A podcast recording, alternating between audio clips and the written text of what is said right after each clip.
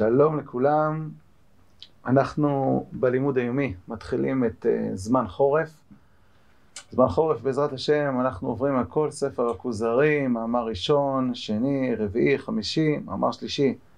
חלקו uh, נלמד, ב, כבר למדנו באלול, והחלק השני הוא uh, עוסק יותר בתורה שבעל פה, והוא uh, יחידה בפני עצמה בחודש העיבור בשנה מעוברת. אה, הלימוד שלנו מתחיל עוד אה, לפני מאמר א', יש לנו אה, ארבעה ימים שאנחנו עוסקים ברקע לסיפור. מי שפספס כמה ימים יכול לדלג על הארבעה דפים הללו וישר להגיע לדף לימוד מספר 5, עמוד 165 בספרים, בכרך א', שמתחיל את הפתיחה לספר ואת הרקע ישלים אחר כך בקלילות. אה, זה לא אה, נושא עמוק ומשמעותי. אה, השיעור שלנו יהיה שיעור פתיחה, שיעור פתיחה ללימוד אמוני בכלל, איך לומדים אמונה ומה האופן של לימוד האמונה. מה אנחנו נתחיל, אנחנו נעסוק במושג אלו ואלו דברי אלוקים חיים. מי שהיה איתנו בשיעורים באלול כבר מכיר קצת מתוך הסוגיות שכבר למדנו, סוגיה שעוסקת בנזירות והסוגיה שעוסקת בהנעת הגוף. ראינו כבר אה, איך לומדים כך, אבל עשינו את זה בפועל, לא למדנו את תוכן השיטה, והיום נפתח כהקדמה לכל צורת הלימוד שלנו, נעסוק בסוגיה הזאת של אלו ואלו דברי אלוקים חיים. אנחנו נפתח אה, בעיקר בענייני ההלכה, ואחר כך אנחנו מתוך זה נגיע גם לאיך לומדים אמונה. ואנחנו פותחים בגמרא במסכת גיטין, בדף ו' עמוד ב', ושם הגמרא מדברת על מחלוקת שהייתה אה, במציאות, על הפסוק ותזנה עליו פילגשו, מדובר פה על אה, אה, סיפור של פילגש בגבעה. האמוראים מבינים שלא מדובר פה בזנות ממש, כי אחרת אולי היה מחזיר אותה כנראה, אלא מדובר פה באיזשהו מעשה אחר, ונחלקו. אומרת הגמרא, רבי אביתר אמר, זבוב מצא לה. כן, הביאה לו איזה מרק, והיה זבוב במרק, ורבי יונתן אמר, נימה מצא לה, שערה. אשכחה רבי אביתר לאליהו. פגש רבי אביתר את אליהו, נו, הזדמנות. אמר לה, מהי כאביד קודשא בריחו? מה עושה הקדוש ברוך הוא עכשיו? אמר לה, השיג בפילגש בגבעה, בדיוק בסוגיה הזאת. אז אומר לו רבי אביתר, נו, מה הוא אומר? אמר לה, אביתר בני כך הוא אומר, ויונתן בני כך הוא אומר. הביא איתו מחלוקת. אמר לו רבי אביתר לאליהו, חס ושלום, מי איכא ספקא קמא שמיא? מה, הקדוש ברוך הוא לא יודע מה היה? הקדוש ברוך הוא ודאי יודע מה היה. אמר לה, אלו ואלו דברי אלוהים חיים הן, זבוב מצא ולא הקפיד, נימה מצא והקפיד. עכשיו, בהסתכלות ראשונית, אז רבי אביתר לא צדק, רק רבי יונתן צדק. הרי נימה מצא והקפיד, אבל זבוב מצא ולא הקפיד. אה, אבל זה לא מדויק, כי אומר הראש, מה, מה הכוונה, איך אלו ואלו?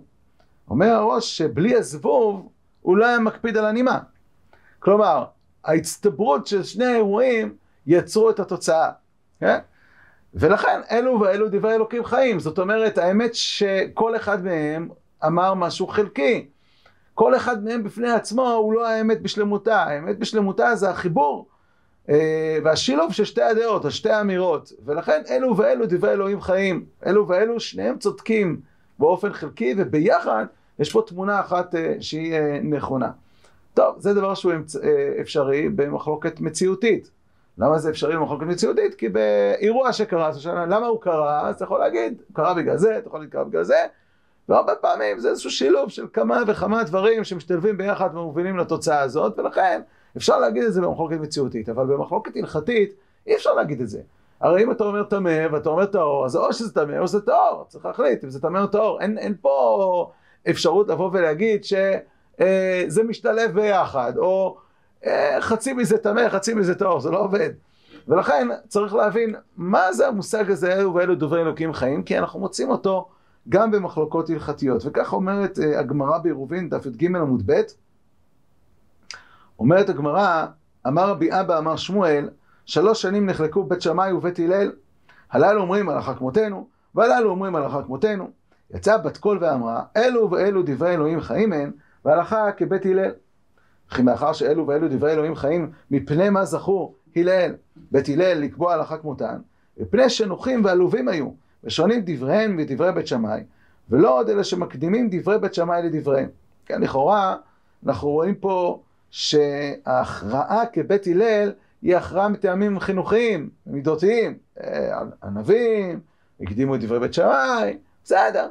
אבל האמירה היא אמירה שאלו ואלו דברי אלוהים חיים. יש פה אה, בית שמאי ובית הלל, שניהם צודקים. הדבר הזה כמובן אה, אה, לא ברור. איך אפשר להגיד על שתי אמירות הפוכות, טוב, אה, אה, אה, חייב וזכאי, טמא וטהור, אה, מותר ואסור, איך אפשר להגיד על שני הצדדים הללו ששניהם אמת, או שזה כך או שזה כך. אה, זה לא רק נאמר, היינו חושבים, טוב, אולי זה רק במחלוקות של בית שמאי ובית הלל, אבל אה, אנחנו מוצאים את זה אפילו כלפי ראשונים, למשל ספר החינוך מביא במקום מספר 3, אה, אומר ספר החינוך במצוות תפ"ה, מדבר פה על איסור אה, אכילת חמץ לאחר חצות היום, בזמן הקרבת קורבן הפסח, אז הוא מביא את הרמב"ם, שלא נאכל חמץ אחר חצות ביום 14 בניסן, ועל זה נאמר לא תאכל עליו, עליו חמץ, הכוונה היא על הקורבן, כך מבין הרמב"ם. מילת עליו שבה על כבש הפסח, שהחובה בזביחתו בין הארבעים ביום 14, ואמרו מעת שהגיע זמן זביחתו לא תאכל חמץ. מי שיבוא ויאכל חמץ אחר חצות לוקה, עד כאן. אבל מביא uh, ספר החינוך את הרמב"ן שחולק על זה, ולדעתו אין בזה לאו. ואז מסיים ספר החינוך, הט אוזנך בני ושמע דברי החכמים, אלו ואלו דברי אלוהים חיים הם, כולם נר, ודע כי יש בתורה שבעים פנים וכולם נכוחים. אז תכלס, שורה תחתונה, הוא חוטף מלכות או לא חוטף מלכות? אה, הוא גם חוטף וגם לא חוטף. אז אולי חצי? מה כתוב כאן שכל, יש פה שבעים פנים, כולם נכוחים? צריך להבין, אה, אה, צריך להבין את זה, ויותר מזה צריך להבין, אם כולם נכוחים ויש שבעים פנים לתורה, וזה גם טמא וגם טהור וגם מותר וגם אסור, והוא גם אה, חוטף וגם לא חוטף, אז לא צריך להכריע הלכה, כל אחד יעשה מה שבא לו. מה המשמעות של הכרעת ההלכה? אז החידה מתייחס למושג הזה של אלו ואלו דברי אלוקים חיים בפתח עיניים, מסכת בבא מציע, והוא אה, מציע כיוון מסוים, ראשוני, וככה הוא כותב. מה שכתוב, או מה שאמרו, אלו ואלו דברי אלוהים חיים, והווה בקמאי, איך ייתכן דאלו ואלו דברי אלוהים חיים, ולא מי שאין הלכה כמותו לא דיבר נכונה? נפסקה הלכה. אז אם נפסקה הלכה, הוא טועה. אותו אחד שלא נפסק כמותו. ואמרו הראשונים, דיין דהן האור ניכר אלא מתוך החושך, והאמת אינה ניכרת אלא מתוך השקר. כן הדבר הזה, שלא יובן ויתיישב מעצמותו אלא מהופכו. ולכן אמר השם אל משה דברי המזכין ודמעה המחייבים כיוצא, כי מתוך הסברה דחויה תיבנה ותיכונן אמיתית. אומר, ספר, אומר החידה, באמת, יש את הדעה הנכונה, ויש את הדעה שהיא לא נכונה, היא טעות. אם היא טעות, אז מה דברי אלוהים חיים בה? דברי אלוהים חיים כי הם, דברי הטועים, הם מחדדים יותר את האמת, וכיוון שהם מחדדים את האמת, אז הם מובילים לאמת. כלומר, מה דברי אלוהים שבהם? לא מה שהם אמרו, אלא בגלל שהם אמרו, הדבר הזה חידד את האמת, אז הם מובילים אל האמת, זה האלוהים שבהם. זה קצת קשה כמובן, זה דחוק מאוד, אבל אולי אה, אפשר לחדד את זה טיפה יותר, ולהגיד שאתה צריך להתייחס בזמן הלימוד לכל הדעות, לפני הכרעת ההלכה, כאילו אלו ואלו דברי אלוהים חיים. כי כשאתה מתייחס לכל דעה כדעה שיש לה מקום, אז אתה תעמיק, אתה תשמע את הקושיות שלה, ואז האמת תתברר בצורה מלאה. תתייחס ככה לדעות, אבל לא שבאמת שתי הדעות הן נכונות. לא, יש דעה אחת שהיא נכונה ודעה אחת שהיא לא נכונה, כן? אה, כמובן שזה דחוק מאוד מכמה סיבות. אחד, המושג דברי אלוהים חיים בפשטותם, הכוונה היא שאלו ואלו הם אמת, לא אלו ואלו תתייחס לזה כאמת. זה אחד. שניים, זה לא כל כך מסתדר עם הגמרא בעירובין. כי הגמרא בעירובין אומרת, וכי מאחר שאלו ואלו דברי אלוקים חיים מהם, למה פסקו הלכה כבית הלל? מה זה למה? לפי החידה זה ברור. למה? כי בית הלל צודקים. אם, אם בית הלל צודקים, וזאת האמת, אז בת קול באה ויצאה ואמרה, זה אמת, אז מה ההיגיון לשאול, שהגמרא שואלת על הבת קול, כן, אה, למה פסקו כבית הלל? בת קול אמרה, אלו ואלו דברי אלוקים חיים, הכוונה בשלב הלימוד, אבל בסוף אחר כך בית הלל צודקים. אז אם הפרשנות של החיד"א אה, נכונה, אז לא שייך לשאול, וחילה, אז למה פסקו הלכה כבית הלל ועונים איזו תשובה חינוכית? טוב, בגלל ש... אז אה, קשה אה, להסביר כך את הגמרא בעירובין. גם את ספר החינוך אפשר אה, אה, להסביר כך, שהוא אומר בצורה מפורשת, 70 פנים לתורה, כולם נכוחים. בוודאי שספר החינוך לא הבין כך את, ה, את המאמר של אה, חז"ל, אלו ואלו דברים חיים, אלוהים חיים מהם, ולא כך הוא אה, השליך את המאמר הזה על המחלוקת של הרמב"ם והרמב"ן. אבל נראה שכל השאלות שלנו נובעות מתוך איזושהי גישה או תפיסה שנראית לנו פשוטה, שיש אמת, אמת ברורה בשמיים, אנחנו לפעמים נוצרים, נוצרות מחלוקות, או שיש לנו ספקות או פירורים, ואז בעקבות זה אנחנו נדרשים לשאול את עצמנו מהי האמת, ואנחנו עכשיו מתווכחים. אבל למעשה אצלנו הבעיה, ובשמיים הכל ברור. אבל מאמר חז"ל במסכת בבא מציע נראה הפוך לחלוטין. וכך אומרת הגמרא במסכת בבא מציע, דף פ"ו עמוד א', במקור מספר 5. כמפלגה במטיפתא דרכיה, נחלקו בבית המדרש של מעלה. אם בארת קודמת לשיער לבן, טמא. ואם השיער לבן קודם לבארת, טהור. ספק, מה קדם למה?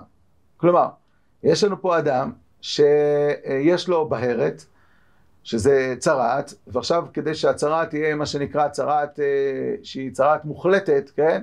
אז צריך שגם יתפתח שם אה, סימני טומאה. אז יש כל מיני סימני טומאה. אחד מסימני טומאה זה שיער לבן. אז אם השיער לבן קדם לבארת, אז הוא לא סימן טומאה. אם, כי היה לו שיער לבן עוד לפני הבארת. אם היה בהרת ואחרי זה היה שיער לבן, זה מה שכתוב מפורש שזה מטמא. אבל מה קורה כאשר לא יודעים מה קדם למה? הקדוש ברוך הוא אומר טהור, וכולו מטיבתא דרכיה אמרי טמא. מחלוקת בין הקדוש ברוך הוא לכל מטיבתא דרכיה. טוב, מה עושים? אומרת הגמרא, ואמרי, מה נוכח? מי יכריע בין הקדוש ברוך הוא לכל מטיבתא דרכיה? נוכח רבא בר נחמני, דאמר רבא בר נחמני, אני יחיד בנגעים, אני יחיד בעולות. כן, יש לנו את רבא בר נחמני, שהוא אה, הוא מרא דאתרא בעניינים הללו, בקיא גדול בך. טוב, מה עושים כשרבא בר נחמני נמצא בארץ ומטיבתא דרכיה, אה, יש מחלוקת שזקוקה לרבא בר נחמני, שולחים שליח. מי הוא השליח? מלאך המוות. אה, שלחו שליחא בתרי, ואב אמצה מלאך המוות למקרב ליה. למה? דלא וכמה פסיק פומי מגרסי, כן, הוא לא הפסיק ללמוד, כיוון שלא הפסיק ללמוד, מלאך המוות לא צריך להתקרב אליו, כמו שמופיע בכמה וכמה מדרשים, הרעיון הזה.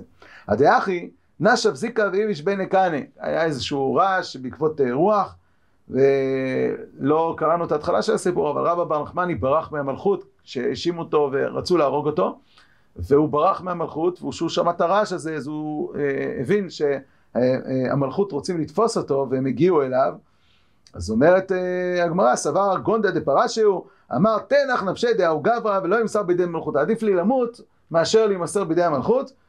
כי הווה, כי, כי כאן נח נפשי, אמר טהור טהור, כן? הוא פסק הלכה כשיטת, כשיטת אה, הקדוש ברוך הוא, שאמר טהור.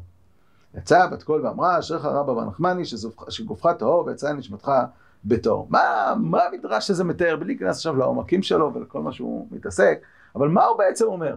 הוא אומר שהספק הוא למעלה. במטיב הדריקי יש מחלוקת, יש ספק. ההכרעה איפה היא? ההכרעה היא פה למטה, פה אנחנו מכריעים. זה בדיוק הפוך מכל התפיסה. צריך להבין את זה. עד כדי כך זה קיצוני, שההלכה בכלל לא נפסקה אפילו כרבא בר נחמני. נפסקה בסופו של דבר הלכה לא כקדוש ברוך הוא ולא כרבא בר נחמני, אלא כמטיב תרקיע, כך פוסק הרמב"ם, שההלכה היא שהוא טמא. כן? זאת אומרת, אפילו בר נחמני נפסקה ההלכה, אנחנו מכריעים בהתאם לכללים, יש לנו פה תנא קמא וסתם משנה, ובכלל לא לפי ה... כן? אולי אה, בגלל שכתוב כי נח נפשי אמרת אותו, טוב, יצא נשמתו, יצא נשמתו, אז הוא, הוא לא בסיפור, אנחנו המכריעים, הוא, הוא, כבר, הוא כבר שייך למתית הדרכייה. בכל מקרה, המדרש הזה יוצא, מוליד לנו איזושהי תפיסה שאומרת שלמעלה בשמיים, שם המחלוקות, או שם הצדדים השונים. פה ההכרעה. וכך כותב הריטב"א על העניין של אלו ואלו דברי אלוהים חיים.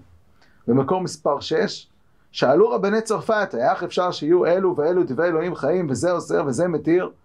ותרצו, כי כשעלה משה למרום, כן, עכשיו אנחנו עולים למעלה למרום לקבל תורה, הראו לה כל דבר, מתת פנים לאיסור, מתת פנים להיתר. ושאל הקדוש ברוך הוא על זה, ואמר, ואמר הקדוש ברוך הוא, יהיה זה מסור לחכמי ישראל שבכל דור ודור תהיה הכרעה כמותם.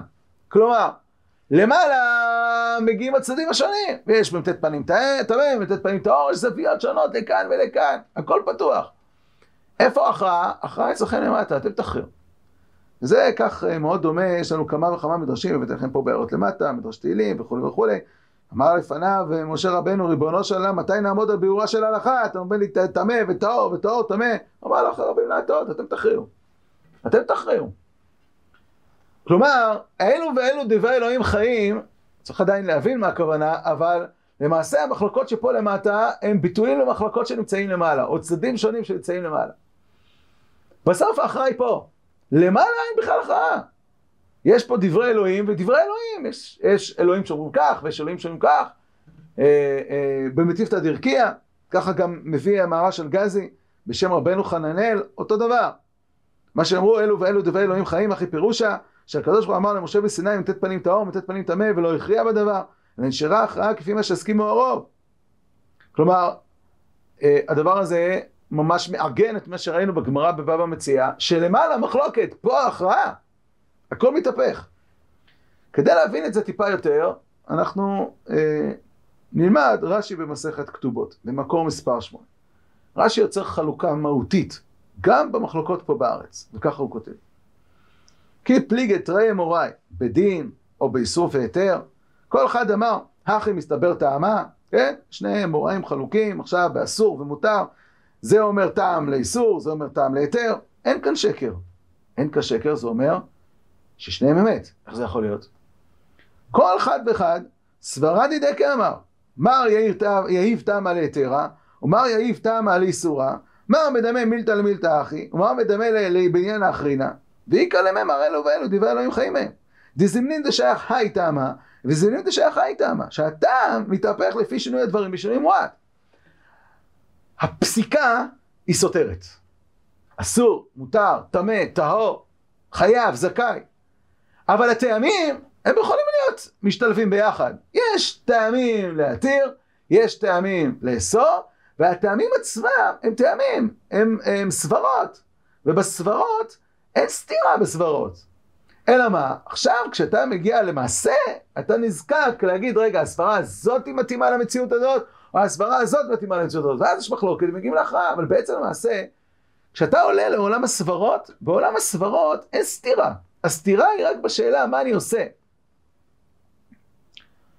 אה, אם זה כך, בואו בוא ניתן איזה דוגמה, אני אוהב לתת אה, דוגמה מהמחלוקת של בית שמאי ובית הלל לגבי אה, אה, האם אה, אדם שעזב אה, ולא בירך, עזב את מקומו ולא בירך, האם יחזור למקומו ויברך או לא יחזור למקומו ויברך? בית שמאי אומרים, יחזור למקומו, בית הלל אומרים, יברך במקום שנזכר.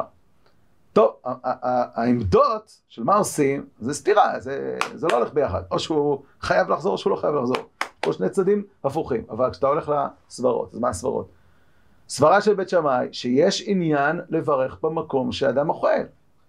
הסברה של בית הלל, שעדיף שהאדם יברך במקום שנזכר, מאשר שלא יברך כלל. הרי אנשים לא יחזרו. או הרבה מאוד אנשים לא יחזרו. עכשיו, בסברות, האם בית הלל יכולים להסכים לבית שמאי? לא רק שהם יכולים, הם מסכימים. בוודאי שראוי לברך במקומו, וזה עדיף מאשר שאדם, לא, שאדם יברך במקום אחר. האם בית שמאי חולקים על בית הלל? לא. ברור שעדיף שאדם יברך שלא במקומו, מאשר שלא יברך בכלל. יש מחלוקת עכשיו, מתוך שתי סברות שהן שני נכונות, מה אנחנו עכשיו מורידים למציאות? האם יותר נכון להגיד לאנשים, אל תברך אלא במקומך, ואני מחנך את האנשים לברך במקום, ואנחנו לא נצליח, זה יחזק. או שכמו שאומרים בית הלל, שמע, המציאות כל כך חלשה, שאתה רק תפסיד מזה. ולכן עדיף להרוויח את הצד שלפחות אדם יברך. במילים אחרות, המחלוקת היא מה לעשות במציאות. אבל אין מחלוקת בסברות. כשאתה עולה לעולם הסברות, בעולם הסברות שתי הסברות נכונות.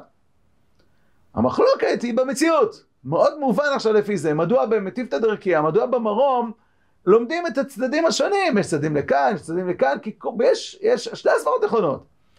מה עושים למעשה זה שאלה במציאות, שאלה במציאות זה כל דור בהתאם לאיך שהוא תופס את המציאות ומה נכון למשוך מתוך עולם הסברות למציאות הנדונה וזה המחלוקת. עכשיו אנחנו מבינים למה הכריעו הלכה במעשה כבית הלל? למה? כי כשאתה לומד רק את הצד שלך, אז אתה מבין, רואה רק חלק, רק חלק, אתה, אתה בעצם רואה רק חלק מהפאזל, חלק מהסברות. אבל כשאתה לומד גם את הצד השני, הרי בית הלל, אומרת הגמרא בעירובין, למה פסקו הלכה כמותם? כי הם היו ענבים, ואז הנביא יצרה מצב, בוא נשמע מה הדעה השנייה, מה הסברות שלהם, נעמיק בסברה. כשאתה לומד את שתי הסברות, ואתה עכשיו מציב לעצמך את שתי הסברות, ואז מכריע, סיכוי טוב שההכרעה שלך תהיה יותר מדויקת למציאות הנידונה, מאשר שאתה שם לב רק לסברה אחת, והיא מרכזית אצלך, ואתה אפילו לא חשבת על הסברה השנייה. ולכן, נפסקה הלכה כבית הלל, אה, בגלל שרואים את שני הצדדים. המהר"ל מרחיב את דברי אה, רש"י אה, ומעמיק בהם, וככה הוא כותב, כי מצד זה רצה לומר, מטעם זה יש להכשיר, ומצד זה רצה לומר, מטעם זה יש לפסול. ושני הצדדים האלו, שהם שני טעמים, הם מן השם יתברך. שהרי זה טעם, שהרי בזה טעם ובזה טעם, והטעמים הם מן השם יתברך. כי מה שאמר כולם אל אחד אמרם, עדיין לא ראינו את זה, אבל תכף נראה את זה בגמרא, אין פירוש כלל פסול וכשר בלבד. זה לא שהקדוש ברוך הוא אומר פסול, הקדוש ברוך הוא אומר כשר. לא, הכוונה היא שהוא אומר את הטעם, בשביל הטעם הזה פסול, בשביל הטעם הזה כשר. שני הטעמים אמת מן הקדוש ברוך הוא, שמצד זה הוא פסול, מצד זה הוא כשר. ולכן לא שייך לשאול מי כספקא כמשמעיה, הוא אומר. למה? כי אצל הקדוש ברוך הוא זה לא ספק, זה צדדים שהם שניהם נכונים. לעניין הלכה, איך יעשה האדם, אז זה הופך להיות סתירה וצריך להכריע, לכן ההכרעות הן רק פה. אם כך, אה, אפשר להעמיק עוד יותר. זה לא רק ששני הצדדים הם אמת, אלא שיש להם מקור אחד.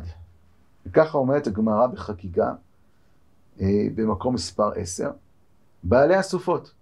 מי הם בעלי הסופות? אלו תלמידי חכמים שיושבים אסופות אסופות ועוסקים בתורה. הללו מטמאים והללו מטהרים. הללו אוסרים, הללו מתירים, הללו פוסלים, הללו מכשירים. שמא יאמר אדם, היכ אני אלמד תורה מעתה? מה, מה, מה, מבולבל. פותח משנה ברורה, מביא לו עכשיו סדרה, הוא פוסק אסור, הוא פוסק מותר, הוא אומר כך, הוא אומר כך, הוא אומר, התבלבלתי כבר לגמרי, מה עושים עכשיו? אי אפשר ללמוד ככה. אין לכם איזושהי הלכה ברורה? זה מה שמשה רבנו שאל את הקדוש ברוך הוא למעלה כשהוא עלה למרום. איך אני דבר תורה מעתה? תלמוד לומר, תירגע. כולם ניתנו מרועה אחד. אין אחד נתנם, פרנס אחד המרן, מפי אדון כל המעשים ברוך הוא. דכתיב וידבר אלוהים את כל הדברים האלה. תסתכלו במקור 12, לא נקרא אותו אחר כך, רבי מאיר אבן גבאי, אז הוא אומר מה זה את כל הדברים האלה, זה בעצם פשט הגמרא, כל מה שיגידו חכמים במהלך הדורות, כל זה הוא אמר. זה לא הגיוני, מה, מה הפשט? מסביר המהר"ל, אני תכף נקרא אותו ואני אגיד אותו קודם כל בעל פה. הוא אומר, תראה, אם יש דעה שהיא סותרת את, ה, את, את, ה, את התורה, אז התורה הייתה אומרת, אומרת את זה, ואז הוא היה טועה בדבר משנה. ובאמת, החכם שאמר דבר שהוא טועה בדבר משנה, יש משנה מפורשת נגדו, אז דעתו נדחית באמת.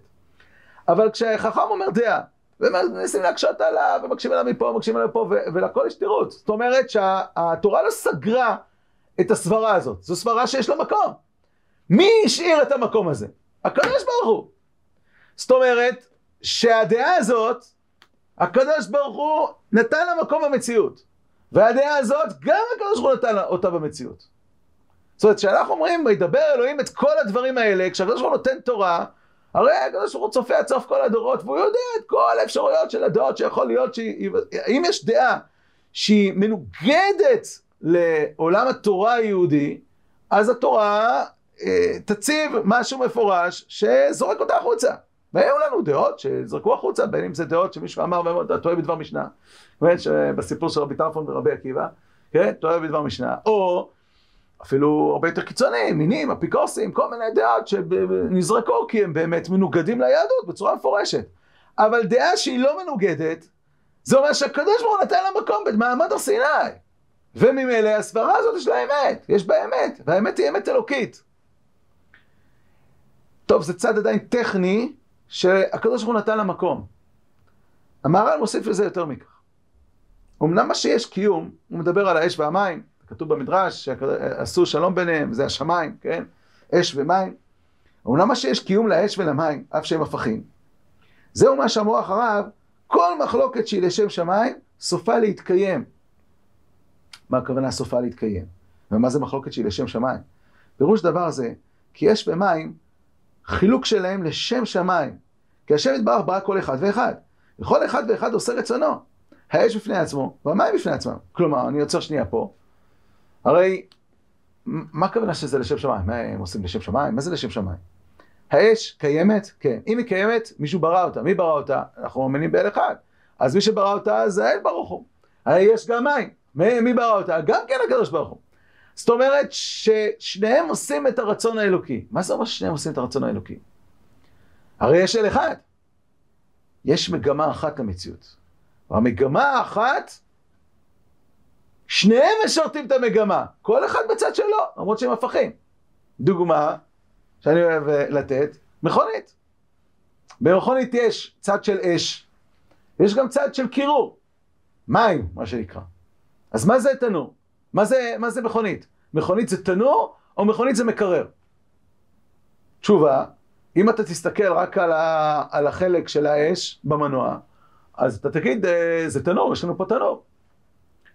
אם תסתכל רק על, ה, על המערכת הקירור, תגיד, יש לנו פה מקרר. תשובה, זה לא זה ולא זה.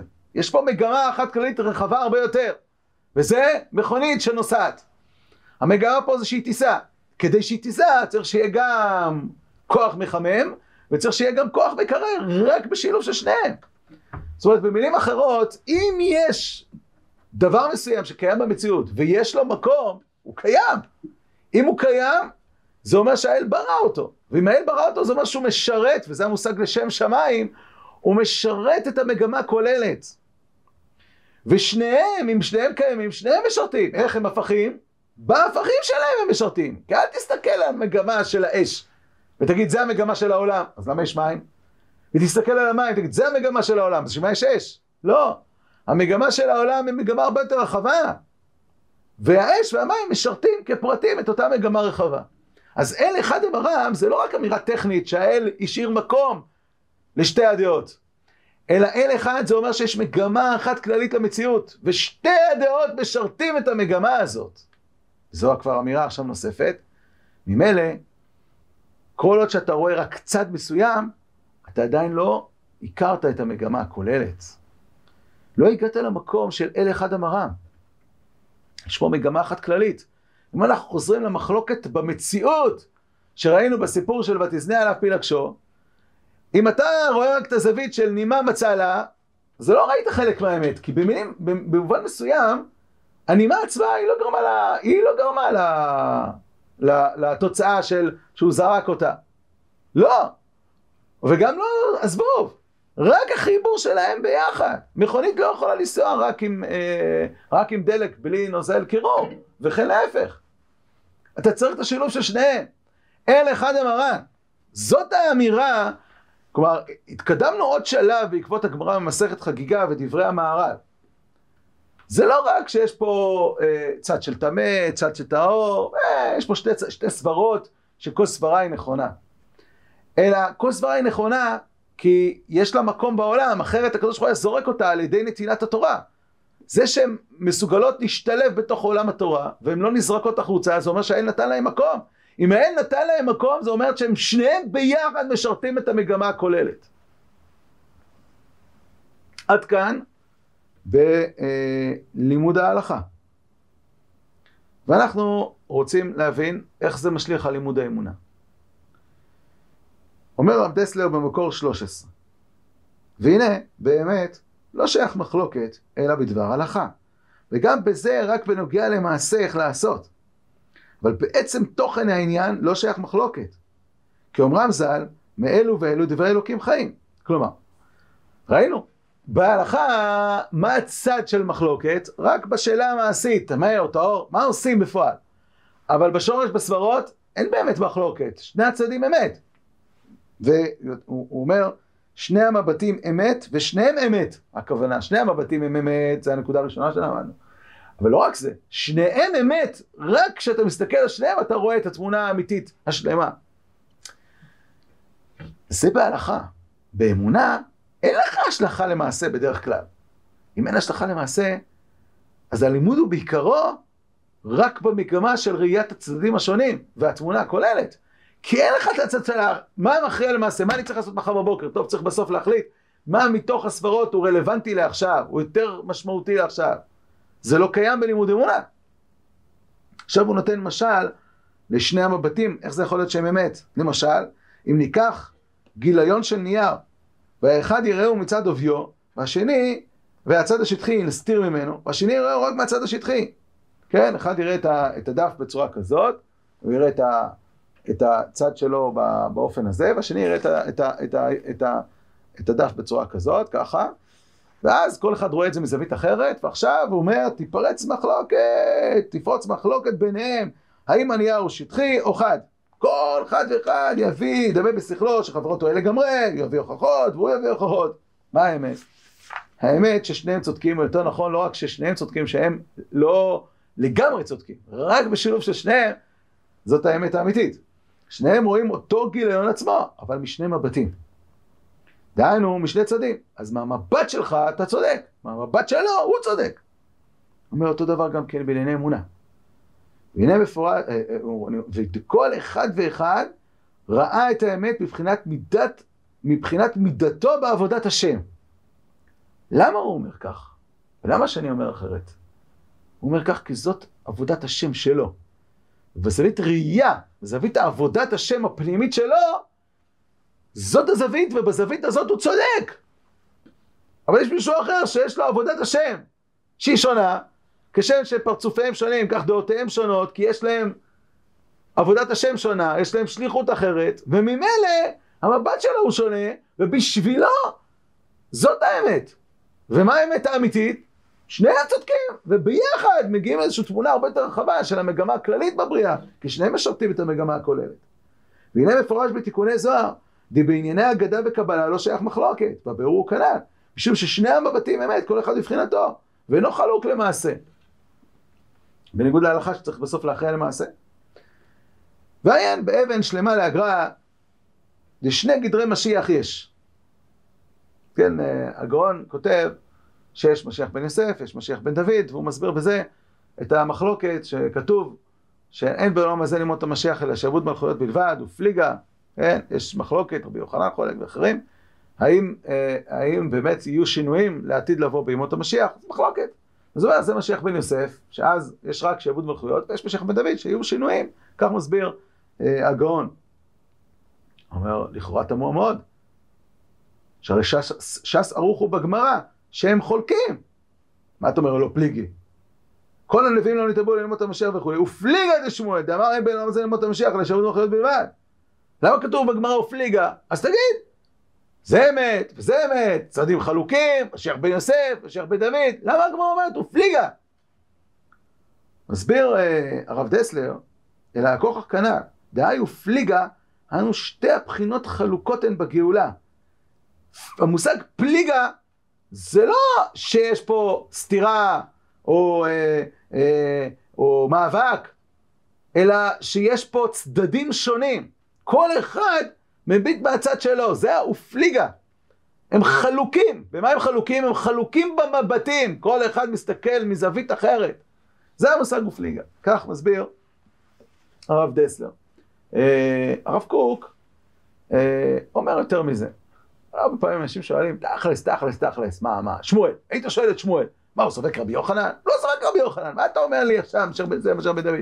הוא אומר שלא יהיו שירים. אז מה, מה זה הפלפול הזה? אומר הרב קוק, תיקח את הרמב"ם ואת הרייבד, הרייבד תוקף אותו, אומר דברי האיש הזה בעיניי הם ככופרים בית. מה, הוא חשב שהרמב"ם מסתכל מזווית ראייה אחרת? מה זווית ראייה אחרת? זה מחלוקת, זורקים אחד על השני סטנדרים, על מה אתה מדבר? אומר הרב קוק, נכון.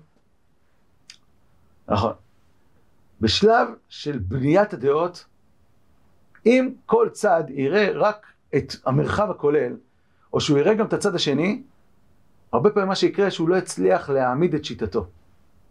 כדי להעמיד שיטה, לפעמים צריך איזושהי אה, תפיסה, נקרא לה פנאטית, כלומר קיצונית שמסתכלת רק על צד אחד, כדי להעמיד את השיטה בצורה מלאה.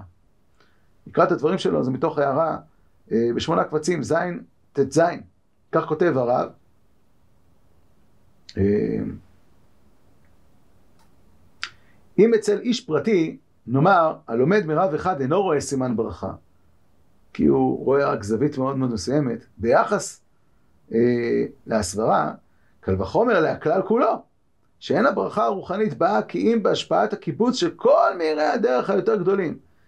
ואין להיות נסוג אחור ממה שלפעמים סוללי דרכים לבדם, כל אחד שולל דרכי משנהו. הרמב"ם תקף את מי שלפניו, הרב תוקף אותו, וכולי וכולי. או את הדרכים האחרים בכלל. ככה היא דרך ההשגה. בהיותה עומדת בחוגה הפרטי, להיות מצטמצמת בריכוזה ומשמרת את עמדתה על ידי שלילות כל מה שהוא חוץ לה. כאשר אתה רוצה לבנות דעה, אתה, כדי לבנות אותה, אתה חייב באותו רגע להיאבק ולהגיד שמה זה לא נכון, וזה לא נכון, וזה לא נכון. אבל זה רק בשלב הבנייה של הדעות. אך כאשר הדברים משתפכים אל הים הגדול של האוצר הכלל כולו, יש, בו יש מקום להכיל את כל פלגיו, כן? אז אם כן, יש שלב ופליגה. כן? הרב דסלר נתן את הזווית ראייה של שני המבטים אמת, צודק. אבל הרב קוק אומר, למה יש פה רעש כזה גדול אז? למה יש מלחמות? תשובה, יש מלחמות במלחמת הדעות בשתי דעות שהן אמת. כן? למה? כיוון שבשלב העמדת הדעה יש חשיבות שלא יראו את התמונה הכללית. אבל זה רק בשלב של העמדת הדעה. עכשיו עולה שאלה, הרי בסופו של דבר יש גם דעות שהן מנוגדות לתורה. יש, יש דעות שיצאו בבחינת טועה בדבר משנה.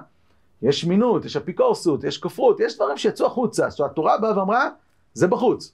כן? ממילא אה, זה אומר שהאל לא נתן להם מקום. האם יש בהם מקום לומר אלו ואלו דברי אלוהים חיים? נשמע קצת אה, קיצוני, אבל האם יש מקום כזה? אומר הרב קוק, הרב קוק בשמונה קבצים, ד' נ"ח. תנועה אמיתית של חיים רוחניים ממולאה היא מכל תנועות, התנועות כולם שקדמו לה. ומלוא עולם ומקיפי דורות היא, מילואה. נתנו לנו דחיפות שונות, התורה הנגלית והנסתרת, הפילוסופיה, ההשכלה המאוחרה, האגדה, הפלפול, חיבת ציון, תחיית האומה והספרות, תנועת הפועלים, החסידות, הנטייה הקוסמופוליטית של המתקנים באשכנז, התעוררות המוסר, חיזוק התורה, הנטייה הסגפנית הקנאית, הביקורת והאומנות, דלדולי הכוח המתבטאים מתוך, על ידי ייאושים והסתות שונות, בסוגריים, אה, רפורמה, כפירה וכולי, חילונות. כל חיזיון יחידי מאלה איננו עולם מלא, ויש מהם שהם בגדר מחלה ורע מוחלט, כן? אז יש פה שני סוגים, יש כאלו שזה רק אה, לא בגדר עולם מלא, יש לך התנגדות ויש לך חסידות. טוב, הם שני צדדים, שני מבטים, אף אחד מהם הוא לא אמת מוחלטת, השילוב שלהם הוא איזשהו, במבט הכולל, יוצר איזשהו אמת גדולה. ויש דברים שהם מחלה ורע מוחלט, הרי ברור שהכפירה והאמינות וכולי, זה רע, רע מוחלט. אבל בהיותם מתאחדים ומתארגנים יחד, כל אלה החזיונות, כלומר, אתה יושב עכשיו ולומד את כולם. כולם, בעומק, תכף נעמיק בדרך הזאת. כל אלה החזיונות ומקורותיהם וסיבותיהם, כל נטייה קובעת לה את מקומה לפי ערכה. אז מתייצבים כולם במערכה, והאוכל והפסולת, כל אחד קובע את תפקידו, עד שאפילו הזדונים ודמיוני ההבל, גם הם משמשים תפקיד בתור איזה כוח גורם, וכשאין לו תקנה כי אם כיליון, הרי כיליונו מביא חיים יותר, הרבה משירים מאשר לא היה בעולם. אם לא היה לך את הכפירה, לא היו את התוצרים שהיא יצרה בעולם האמונה. כלומר, יש מקום גם לדעות שיצאו, שהם מנוגדים לעולם התורה. אם הם נמצאים בעולם, הם לא נמצאים סתם. הם נמצאים כדי ליצור תנועות בתורת האמת. כדי ליצור עומק גדול יותר בתורת האמת. ולכן יש להם מקום. אז זה מושג חדש של אלו ואלו. הוא לא מושג חדש, כי בעצם הוא מושג ישן. זה הפרשנות הראשונה של החידה. שיש לנו אלו ואלו במובן שבשלב הלימוד. אלו ואלו דברי אלוקים חיים במובן שיש דברים מסוימים שקיימים במציאות, רק uh, באים להניע ולהוציא ולגלות דברי אלוהים חיים, כשהם בעצמם המטרה זה לכלות את הדעות הללו מן העולם. ועל ידי הכיליון, המאבק בהם, זה יוצר את נקודת האמת שהיא החשובה.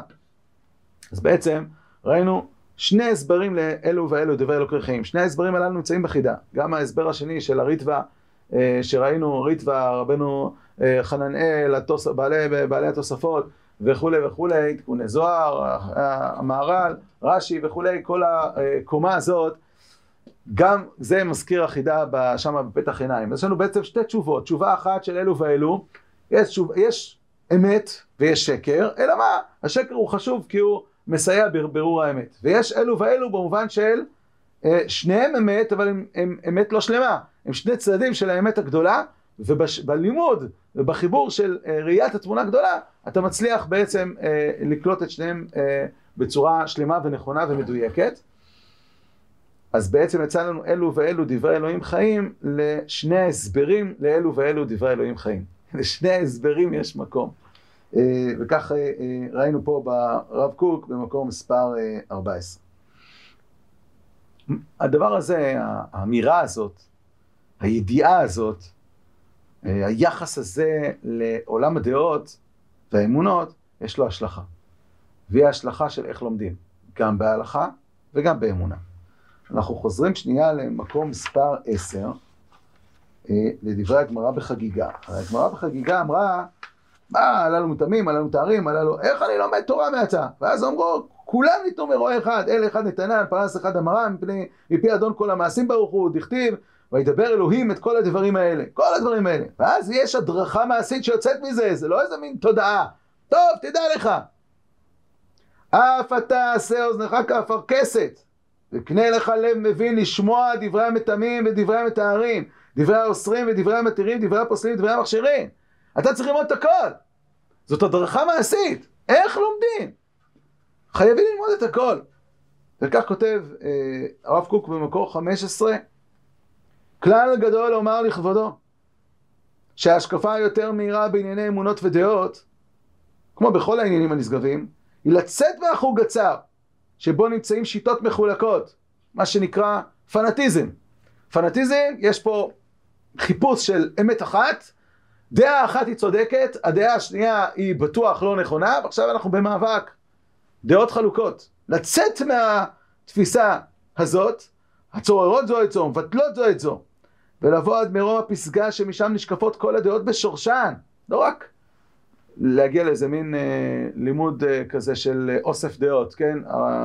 ה, בית שמאי אומר כך, בית הלל אומר כך, הרמב"ם אומר כך, רבי חזקסקס אומר כך, וכולי רשימה.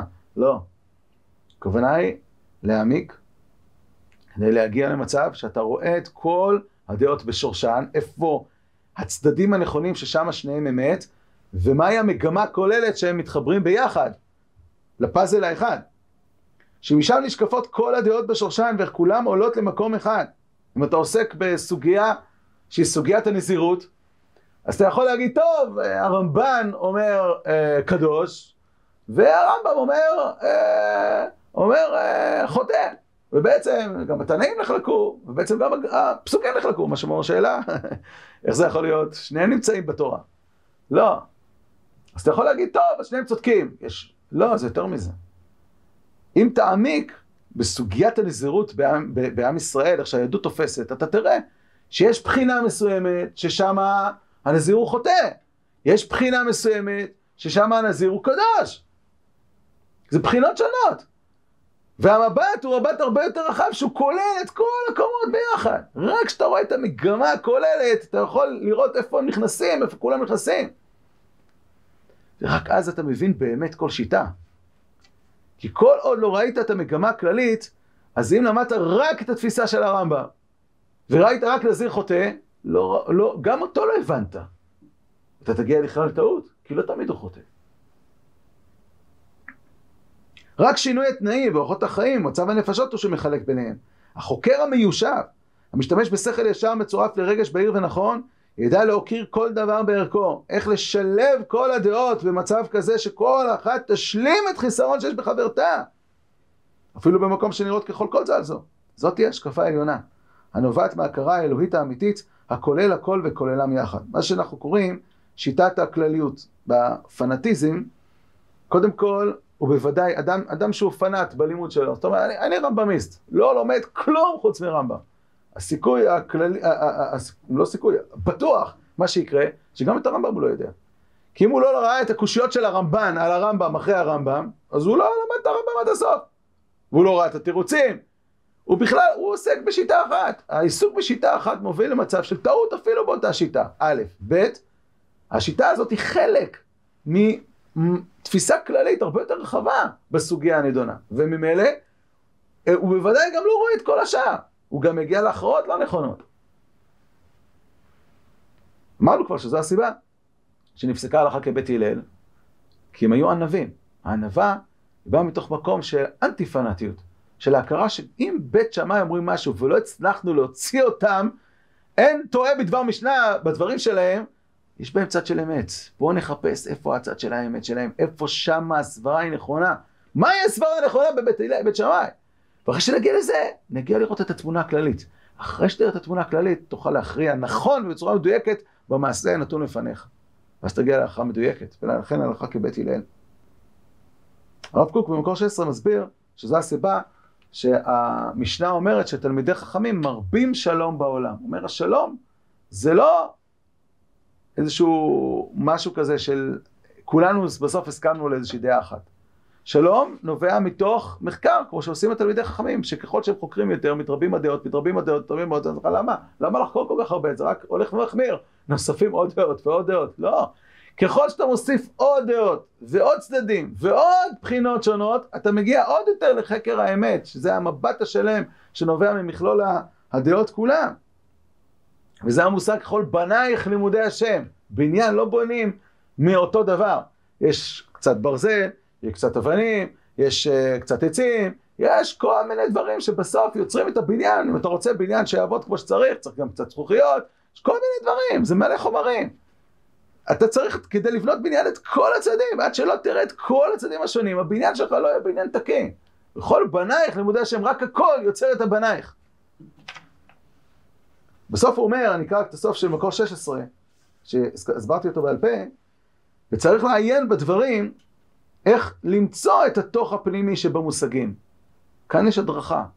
אם אתה נשאר רק בלימוד החיצוני, תזכרו את רש"י שראינו בהתחלה.